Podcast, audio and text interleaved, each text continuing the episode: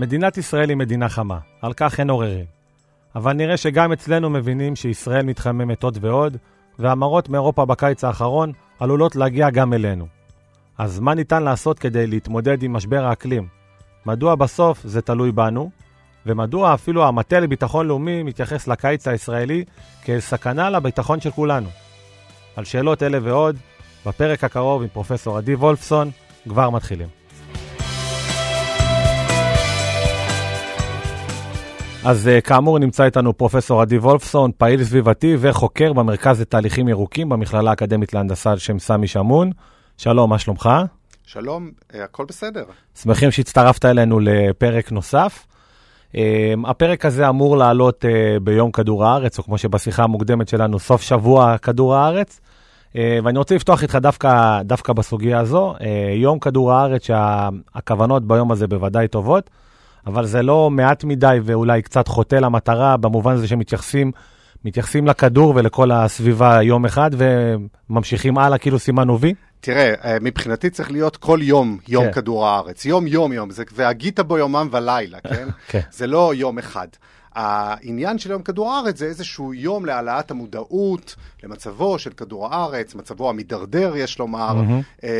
ולחלק שלנו בני האדם אה, בדברים שקורים אה, מסביב, וכשאנחנו מדברים על המצב המידרדר, אנחנו בעצם מדברים על שלושה ממדים.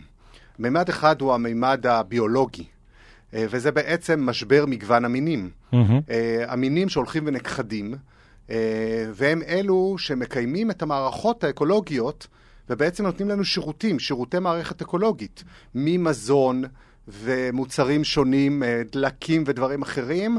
אה, האבקה, אה, שירותי הסדרה של טמפרטורה ולחות, וגם השראה, כן. השראה, פנאי, נופש. Mm-hmm.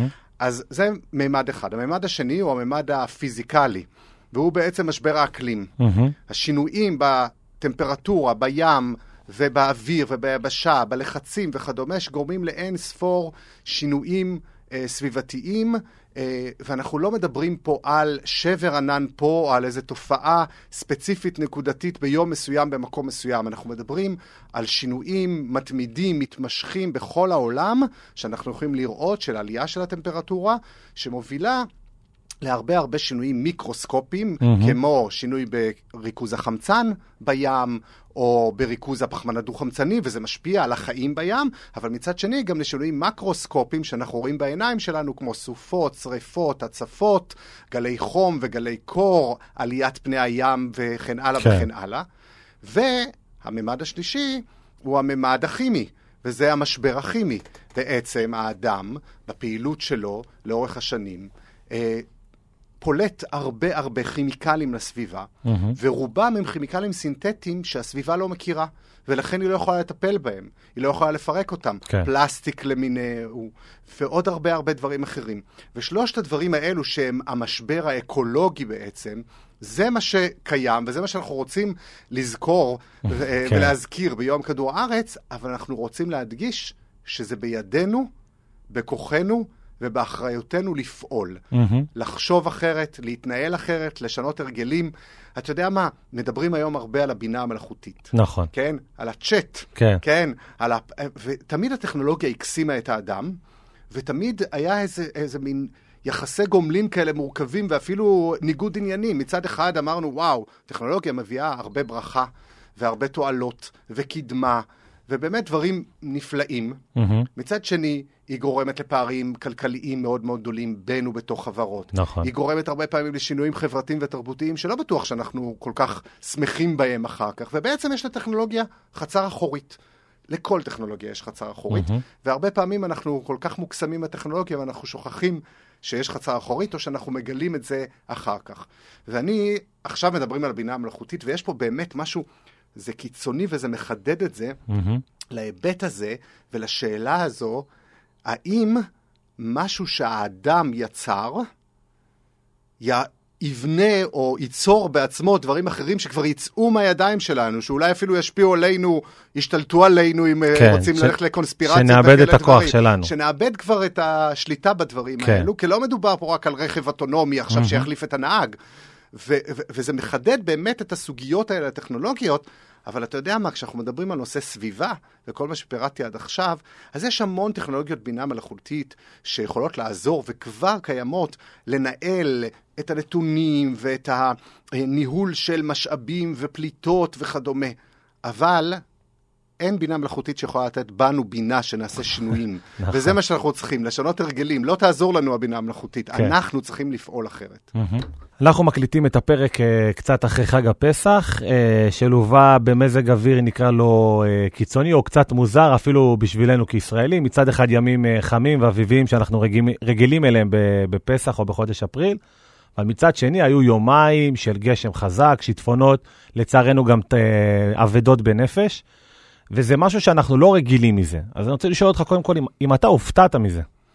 תראה, כמובן שהאירוע עצמו כאירוע הוא מפתיע, והעוצמה שלו, והיו הרבה שיאים שנשברו, אם כי ראינו בעבר כבר שיטפונות, וגם באפריל mm-hmm. וכדומה. אה, אבל עוד פעם, זה מחדד לנו את ההבדל הזה בין מזג אוויר לבין אקלים. היה לנו אירוע מזג אוויר מאוד קיצוני, ו...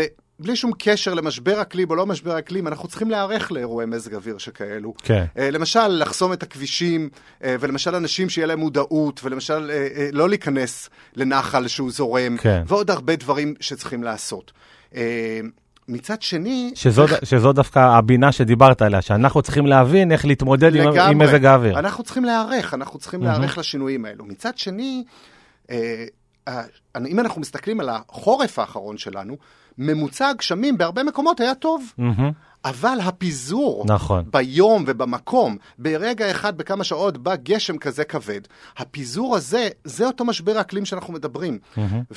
וצריך לא להתבלבל בין, אה, בסדר, לפי התחנות אנחנו בממוצע, כן. אפילו מעל הממוצע, mm-hmm. מפני שהגשם הזה, שהוא בא בבת אחת, לא רק שהוא לא נספג באדמה, והוא לא עוזר לחקלאות, ואנחנו לא יכולים לאסוף אותו ולאגם אותו הרבה פעמים, אלא בסופו של דבר הוא אפילו פוגע בתשתיות, בחקלאות, ויש נזקים מאוד כבדים, mm-hmm. ואנחנו משלמים על זה במחיר כפול, גם אה, במחיר שאנחנו נותנים לחקלאים ולאחרים בגלל ההפסדים שלהם, כן. וגם במחיר בשוק אחר כך, למשל, של הפירות והירקות, mm-hmm. או בחיי אדם, או בתשתיות וכדומה.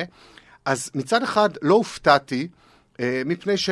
היו ויהיו עוד כאלה אירועים, הם רק הולכים ונהיים קיצוניים יותר, mm-hmm. הם רק הולכים ונהיים דחופים יותר, והם קורים פה, והם קורים באירופה, והם קורים במזרח הרחוק והקרוב, ובכל העולם, ולזה אנחנו קוראים משבר אקלים. כן, אז כמו, כמו שציינת באמת, אה, חודש דצמבר וינואר האחרונים, אה, היו אפילו שמשיים נקרא לזה, טמפרטורות מאוד גבוהות, ב, בימים שאמורים להיות שיא החורף. אני מודה, אני לא בן אדם של חורף. אני, אני מבחינתי תמיד חשבתי שזה מאוד נוח, כזה שלושה, ארבעה ימי גשם אה, אה, עיקריים, וכל השאר שמשי, ו, ו, ואנחנו מדינה שמשית. אבל בעצם מה שאתה אומר, שמזג אוויר קיצוני כזה, אז מצד אחד הוא מביא לנו את הכמויות שאנחנו צריכים לכאורה, אבל מצד שני הוא מביא גם הרבה מאוד דברים uh, שליליים או תופעות שאנחנו לא צריכים לקבל אותן. לגמרי. בסופו של דבר לא צריך להסתכל על הממוצע, mm-hmm. על הכמות, צריך להסתכל על האיכות. כן. ובסופו של דבר, המזג האוויר הקיצוני הזה, שהוא לא מתבטא רק בסערות או בשיטפונות האלה שיש, אלא אפילו במים שמגיעים בבת אחת ושוב לא נספגים, או כן.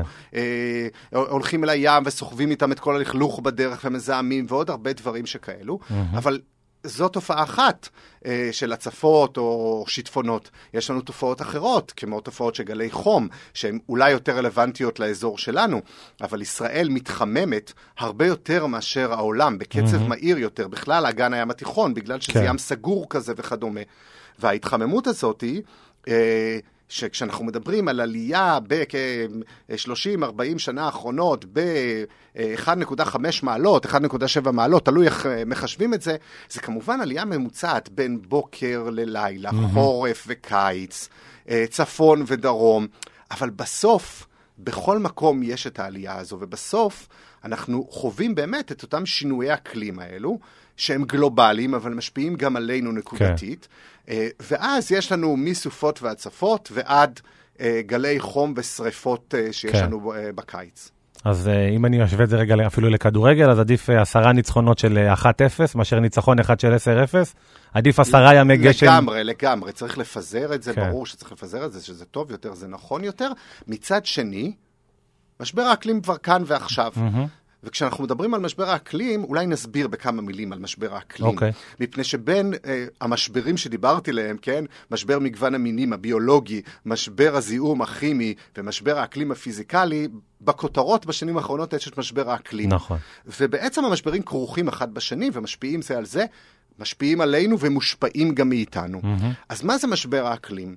בעצם יש לנו באטמוספירה שלנו גזי חממה, גזים שבעצם התפקיד שלהם כאשר השמש מגיעה בקרינה מאוד חזקה ופוגעת בקרקע, mm-hmm. רוב האנרגיה מוחזרת מהקרקע לאטמוספירה. ואם לא היו שם גזי חממה, שהם שוברים שוב חלק מהקרינה ומחזירים עוד אנרגיה לפני כדור הארץ, היה לנו מאוד קר פה. אז גזי החממה הם טובים. בין גזי החממה יש לנו מים, יש לנו פחמן דו-חמצני, יש לנו הרבה גזים שהם לא רעילים, הם אפילו חלק כן. מהחיים שלנו. אנחנו mm-hmm. הרי נושמים חמצן ופולטים פחמן דו-חמצני. פוטוסינתזה זה עם פחמן דו-חמצני, מים בטח, mm-hmm. אנחנו צריכים. אבל כאשר יש לנו יותר מדי גזי חממה, נוצרת מעין שמיכה באטמוספירה. ואז לא רק שחלק מהקרינה מוחזר, אלא חלק גדול מהקרינה מוחזר.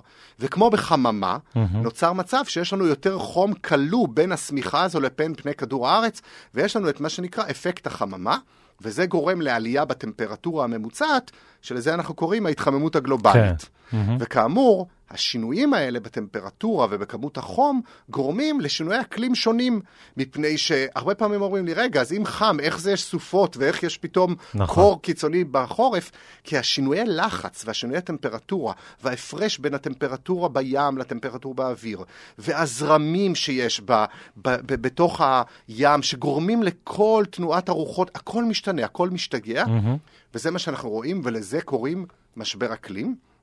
ובעצם אנחנו צריכים להבין שהיום המשבר הזה, שהוא משבר כתוצאה מפעילות אנשית, הוא משבר, נכון, יש גזי חממה שנפלטים בתהליכים טבעיים, אבל כן. ברור שהעלייה בריכוז גזי החממה באטמוספירה היא כתוצאה מפעילות אנשית. Mm-hmm. ואנחנו צריכים להבין, מצד אחד, כדי להתמודד עם מה שקורה, אנחנו צריכים להפחית את הפליטות שלנו, אנחנו קוראים לזה מיטיגציה, בעצם להפחית את פליטות גזי החממה, ומצד שני, אנחנו צריכים להיערך לשינויים.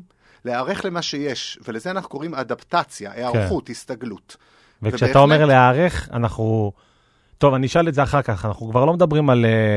uh, למנוע או לתקן, אלא פשוט להיערך להתמודד. להתמודד, עם... לגמרי, להסתגל, mm-hmm. להתמודד, ויש לנו פה uh, הרבה אמצעים שצריכים ברמה האישית, ברמה המקומית, ברמה הלאומית, חלקם כן. גם ברמה הגלובלית, mm-hmm. ופשוט לא לטמון את הראש בחול. כן. זאת אומרת, אם אנחנו יודעים, ויש לנו כן מערכות חיזוי שאומרות לנו, הנה, צריך לבוא אה, עכשיו אה, איזשהו כזה גשם כבד, ויש סיכוי גדול לשיטפונות וכדומה. אז כל אחד מאיתנו צריך להבין שהוא צריך לשנות עכשיו את, ה, אה, את הטיול שלו אולי. כן. גם mm-hmm. אם הוא תכנן משהו אחר, וגם אם הוא לא מאמין, וגם אם היו 20 התראות כאלו לפני זה ולא קרה שום דבר רציני, כן.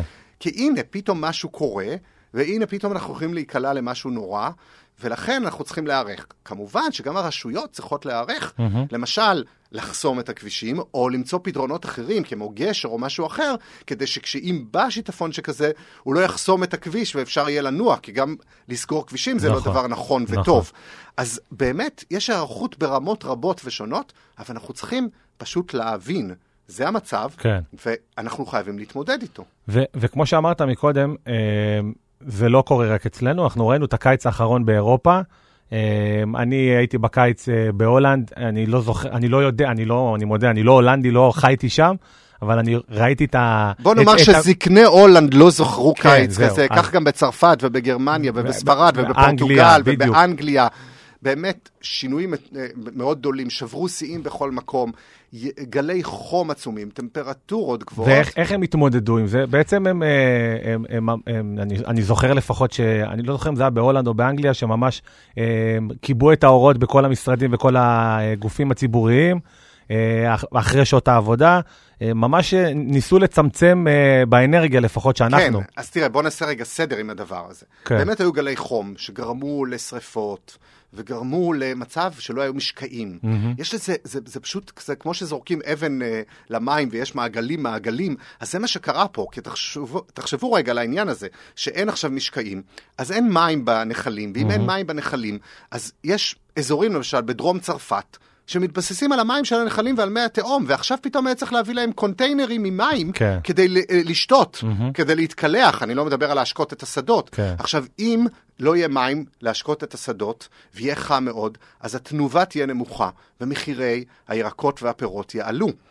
אבל יש לנו עוד בעיות, למשל הריין, הנהר הגדול, mm-hmm. המפלס שלו ירד, ומפני שהמפלס שלו ירד, אי אפשר היה להעביר ספינות גדולות, ואת אותה סחורה היה צריך להעביר בספינות קטנות, אז המחיר יקר יותר. כן. ולמשל, בשוויץ, שיש לה כור אטומי, אה, כור גרעיני, שבעזרתו מייצרים חשמל, איך מקררים את הכור הזה? עם הנהר, אבל mm-hmm. אם ספיקת הנהר נמוכה, והטמפרטורה של המים יותר גבוהה, אז הניצולת, היעילות שהנהר מקרר, נמוכה יותר, ולכן יש פחות חשמל.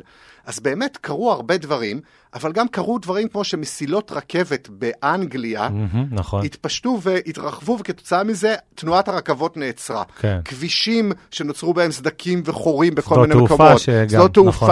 אה, ובאמת המון המון דברים, המון המון דברים, פתאום זה נוגע ביום-יום שלנו. Mm-hmm. ההתמודדות אה, שאתה ציינת, או דברים אחרים, היא התמודדות שגם הייתה, מפני שבקיץ האחרון סבלו באירופה גם ממשבר אנרגיה גדול, נכון. בגלל המחל... המלחמה בין אוקראינה ורוסיה, mm-hmm. ובעצם רצו לחסוך, מפני שהם לא יכלו עכשיו, בזה שהם יפחיתו את השימוש בחשמל ואת הפליטות, למנוע את השינויים שכבר קורים, אבל בהחלט לעתיד זה נכון ואפשר להראות mm-hmm. שיש כל מיני דברים שאפשר לעשות, למשל כיבוי אורות, אה, למשל באירופה אמרו, תכוונו את הטמפרטורה במזגנים לטמפרטורה כזו וכזו. כמעלה אחת שאנחנו משנים במזגן זה עוד חמישה אחוז בצריכה, וזה אומר שאם כולנו צורכים הרבה, אז אנחנו פולטים גם הרבה גזי חממה ומזהמי כן. אוויר. אז בהחלט, זה נוגע היום פתאום בכל דבר. נכון. ואני רוצה לומר משהו, זה לא רק אירופה. אנחנו רגילים לחום הזה. אנחנו, איך אימא שלי שואלת, אה, חם היום, עד מתי יהיה חם? כן. עד אוקטובר יהיה חם. מהיום עד אוקטובר כבר יהיה חם, mm-hmm. כן? אבל עכשיו... זו בדיוק הנקודה שרציתי לדבר עליה, שלדעתי לראשונה מזה המון זמן, או מאז ומעולם, אני, אני, אני, אני עדיין צעיר כדי לזכור אה, 60 ו-70 שנה אחורה, אה, אבל לראשונה המטה לביטחון לאומי הזהיר מעומסי חום אה, קיצוניים בקיץ הקרוב, ממש אה, אמרו שזה איום על ביטחון ישראל. לגמרי. ומדברים על אה, שלושה, ארבעה ימים אה, בחודש, שהוא גם ככה חם, שיהיה מזג אוויר קיצוני, דברים שלא, שלא הכרנו, של 49 מעלות וצפונה, נכון? כן, אז בעצם בפעם הראשונה המל"ל mm-hmm. אה, הגדיר את משבר האקלים כביטחון, אה, כמשהו שישפיע על הביטחון הלאומי, כאיום, שזה חשוב מאוד, כי אצלנו, בעיקר במדינת ישראל, הכל ביטחון בסוף. נכון, נכון. ובביטחון אפשר לנהל הרבה דברים. נכון. אז אם מגדירים את זה כמשהו ביטחוני, אז יש סיכוי שגם יתחילו להיערך נכון, ולעשות... נכון, כולם דברים. מסתכלים ומדברים. עכשיו, זה לא סתם איום ביטחוני עלינו, על התושבים פה. אה, בתמותה, בתחלואה וכדומה. Mm-hmm. מחקר שפורסם שנה שעברה והמשרד להגנת הסביבה אה, פרסם והוביל אותו, אה, אוניברסיטאות בארץ, מצא שבכל גל חום בעשור האחרון שבדקו, היו 45 אנשים שמתו. וואו. כתוצאה מגל החום. Mm-hmm. פתאום זה מגיע אלינו, לחיים שלנו. עכשיו, אנחנו לא רואים את זה, אנחנו לא מרגישים, זה לא חס וחלילה כמו תאונת דרכים, רואים שמישהו מת. אנחנו לא יודעים אם התקף הלב היה בגלל עומס חום כבד. נכון שיש אוכלוסיות פגיעות יותר, מבוגרים, חולים, ילדים קטנים, ובאמת אלו נפגעו יותר. Mm-hmm. אבל אנחנו לא רוצים שהאימא ואבא או הסבא והסבתא שלנו ימותו בגלל שהיה גל חום. נכון. אז בעצם המל"ל הגדיר את זה, אבל האיום הוא גם איום חיצוני, מפני שגל החום הוא לא רק אצלנו, הוא גם על הגבולות שלנו בכל המדינות. Mm-hmm. ושמה, או יש עוד פחות אמצעים להתמודד עם אין מים ואין מזון ואין מזגן כן. וכדומה, ולכן האיום הזה יכול להיות גם איום שיבוא עלינו. הרי אנחנו, המלחמות שלנו לא עלינו קרו בגלל ששכרו לנו את, ה, את הנחלים והנהרות בדרך אלינו, או על מים כאלה נכון. ואחרים. אז באמת זה איום, אבל מה שאתה מזכיר זה שממש עכשיו יצאה התראה של רח"ל, רשות החירום הלאומית, ביחד mm-hmm. עם השירות המטאורולוגי הישראלי, שאמרו שבקיץ הקרוב באמת בין אה, יוני לספטמבר צפוי לנו אה, גלי חום. עד כדי כך שבכל חודש יכול להיות שני גלי חום של שלושה-ארבעה ימים. מה זה אומר גל חום? זה אומר חום קיצוני, טמפרטורה גבוהה, לחות גבוהה, גם ביום וגם בלילה, מעבר לחום שגם ככה חם אצלנו. Mm-hmm. אז אם אצלנו בדרך כלל זה כבר 35, 38, נושק ל-40 נגיד, אז עכשיו, אה, למשל באזור באר שבע מדברים על 44, 45 מעלות, באזורים אחרים, כמו בים המלח וכמו בעמקים בצפון, מדברים על 49 מעלות, וואו. ואלה טמפרטורות שכבר אה, גורמות להקה לגוף שלנו. נכון. ואנחנו צריכים להיערך. אנחנו צריכים ברמה האישית להבין. אז בואו רגע נפרוט את זה לפרטים. Mm-hmm. המשמעות היא משמעות בריאותית קודם כל. זה משפיע על הבריאות שלנו. אה, זה יכול לגרום למכת חום, ליובש, אה, ויש לזה תופע, אה, תופעות רבות בהקשר למחזור הדם וללב, ויכול להגיע עד למוח וכדומה. Mm-hmm. אז ההשפעות הבריאותיות האלה, יש גם השפעות לטווח הארוך כמובן, אבל בנוסף לזה יש גם השפעה בריאותית גם על הסביבה שלנו. בעלי החיים אצלנו בבית ואלה שבטבע, הצמחים וכדומה, ואנחנו צריכים גם את זה לקחת בחשבון. אבל יש עוד השפעות, יש השפעות על תשתיות.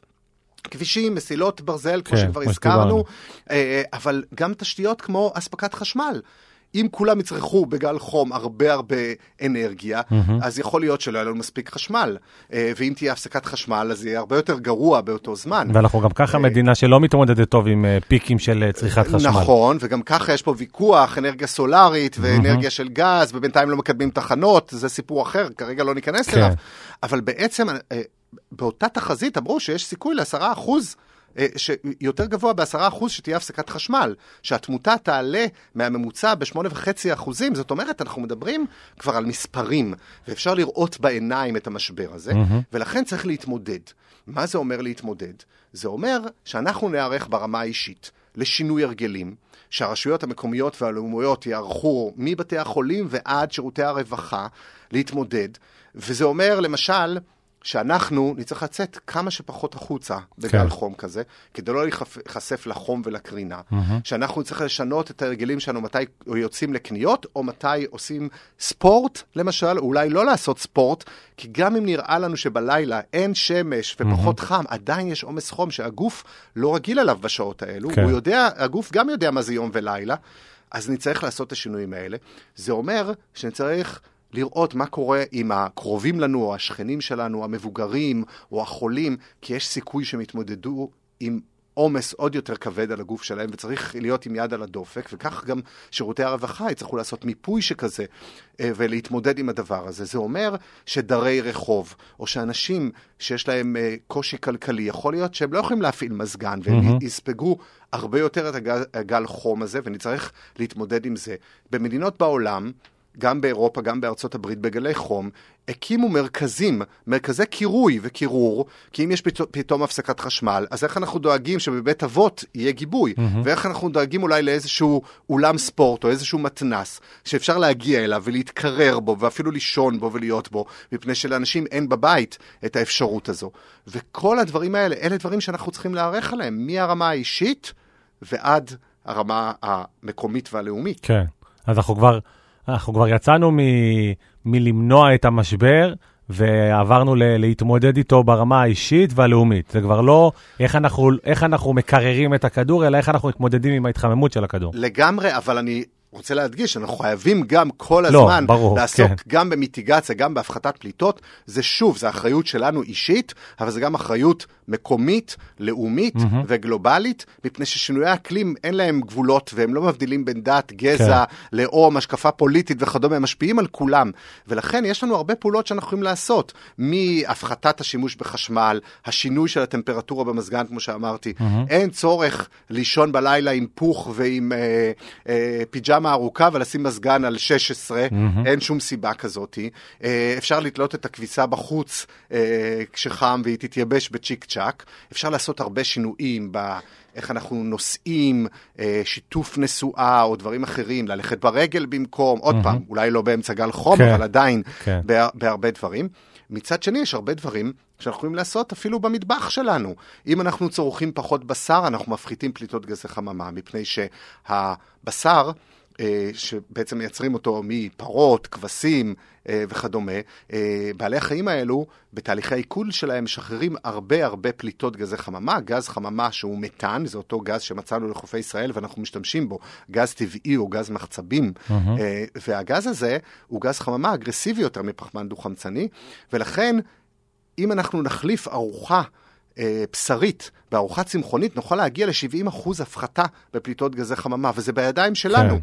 המזון שאנחנו זורקים ומבזבזים הולך להטמנה ופולט הרבה גזי חממה, mm-hmm. ואפשר, אם פחות נבזבז מזון, 30% מהמזון שמהחקלאי עד הבית שלנו, כולל בבית שלנו, מתבזבז. אז אם נצרוך נכון יותר, נוכל אה, לשנות את זה.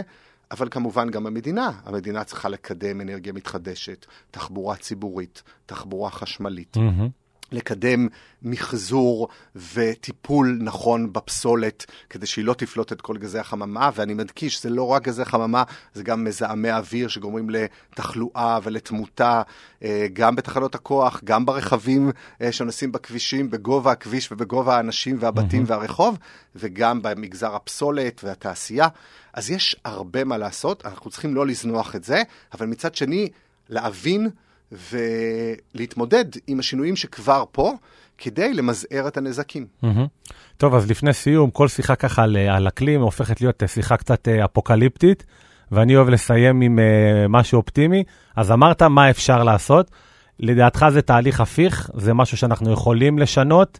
Uh, אני לא יודע אם כבר, אם לקרר את הכדור, כמו שאנחנו אומרים, באמת יקרה, אבל אם, אם אנחנו, זה באמת משהו שאנחנו יכולים להתמודד איתו, uh, ולהמשיך לחיות uh, בצורה כזו או אחרת, אבל עם ההתחממות. תראה, כמו שאמרת, ההתחממות כבר קורית ואנחנו יכולים למתן אותה, אנחנו לא יכולים להפסיק אותה, ואנחנו צריכים לעשות צעדים כדי שהיא mm-hmm. לא תלך ותגבר, ובאיזשהו שלב נגיע לאיזשהו איזון אה, נכון וטוב יותר. אני בן אדם אופטימי, אה, גם המדענים שעוסקים בנושא, ומרבית המדענים, אה, מעל 95% מהמדענים שעוסקים בתחומי האקלים השונים, מסכימים שההתחממות הגלובלית ומשבר האקלים הוא מעשה ידי אדם, ולכן mm-hmm. זה בידינו לשנות, ואנחנו חייבים לעשות את זה. המדענים, קוצבים גם איזשהו תחום של עשור, 12 שנים, 8 שנים, כל אחד תלוי כן. מתי מתחילים לספור, אבל אומרים בעצם, תראו, השינויים הגדולים האלה שאתם כבר רואים שקורים מסביב, הם אפילו מקדימים את התחזיות שלנו, ולכן אנחנו צריכים לעשות שינויים. אי אפשר להמשיך רק לדבר על כמה זה חשוב וכדומה, אי אפשר להמשיך ולהגיד, טוב, חם, אז בואו ניכנס למזגן ויהיה לנו קר, mm-hmm. מפני שגם המזגן הזה משתמש בחשמל שייצרו אותו במדינת ישראל לרוב מגז, קצת מפחם, וזה אומר פולט גזי חממה, אז הוא מחמם אותנו. Mm-hmm. שלא נדבר על זה שהוא מוציא את החום מהבית החוצה, ויש בו גזי אה, קירור כדי שהוא יעבוד, שהם בעצמם גזי חממה, והם נפלטים והם אגרסיביים. אז בעצם הטכנולוגיה הזו, אם נחזור לבינה המלאכותית שדיברנו mm-hmm. עליה בהתחלה, הטכנולוגיה הזו שמקסימה אותנו היא נפלאה, וצריכים להמשיך ולקדם אותה, אבל צריך לשנות הרגלים, וצריך להבין שזה בידינו. אני מאמין שאפשר לעשות את השינויים. אני מאמין שכמו שאנחנו חושבים, רגע, יש לנו ילדים קטנים עכשיו, אנחנו חוסכים להם נכון. שיוכלו ללכת לחוג כזה או אחר, ואחר כך לאוניברסיטה, ואחר כך לחתונה וכדומה. זו קופת חיסכון, אנחנו צריכים לחסוך לילדים שלנו, mm-hmm. מפני שבעוד כמה שנים בעוד עשור, בעוד עשרים שנה, הם יבואו אלינו ויגידו, אתם לא עשיתם בשבילנו את מה שצריך. כן. הם יצטרכו להתמודד עם הדברים, אז אולי זה יצליח להזיז לנו משהו בתוך כל העולם הזה, אבל ללא ספק צריך לקיים, לקיים mm-hmm. את ההבטחה הזאת, ואני חושב שאנחנו יכולים לעשות את זה. זה לא פשוט, כי צריך לשנות הרגלים, mm-hmm. ואי אפשר לעשות כל מיני מעקפים כאלה, וכל מיני כאילו, אבל ביום-יום, בהרבה דברים, אם רק חושבים על זה ואומרים, אוקיי, אני עושה את השינוי הקטן הזה, אני מתמיד עכשיו, כי אחד ועוד אחד הם הרבה יותר משניים כן. לפעמים. יפה, הסתכלות יפה, קופת, קופת חיסכון של אנרגיה, זה יפה. אה, אז הצלחנו להוציא משהו אופטימי בכל זאת. קודם כל אני רוצה להגיד לך אה, תודה, פרופסור עדי וולפסון, פעיל סביבתי וחוקר במרכז לתהליכים ירוקים במכללה האקדמית להנדסה על שם סמי שמון. כרגיל, כיף לדבר איתך, מאוד מחכים, וכמו שאמרתי, גם יצאנו עם משהו אופטימי, זה תלוי בנו בסופו של דבר. אנחנו קצת הרסנו, אבל אנחנו גם אלה שיכולים לתקן. אז אה, שוב תודה. תודה רבה לך. וכמובן, אתם מאזינים, מוזמנים להאזין לשאר הפרקים שלנו, ונשתמע בפרק הבא.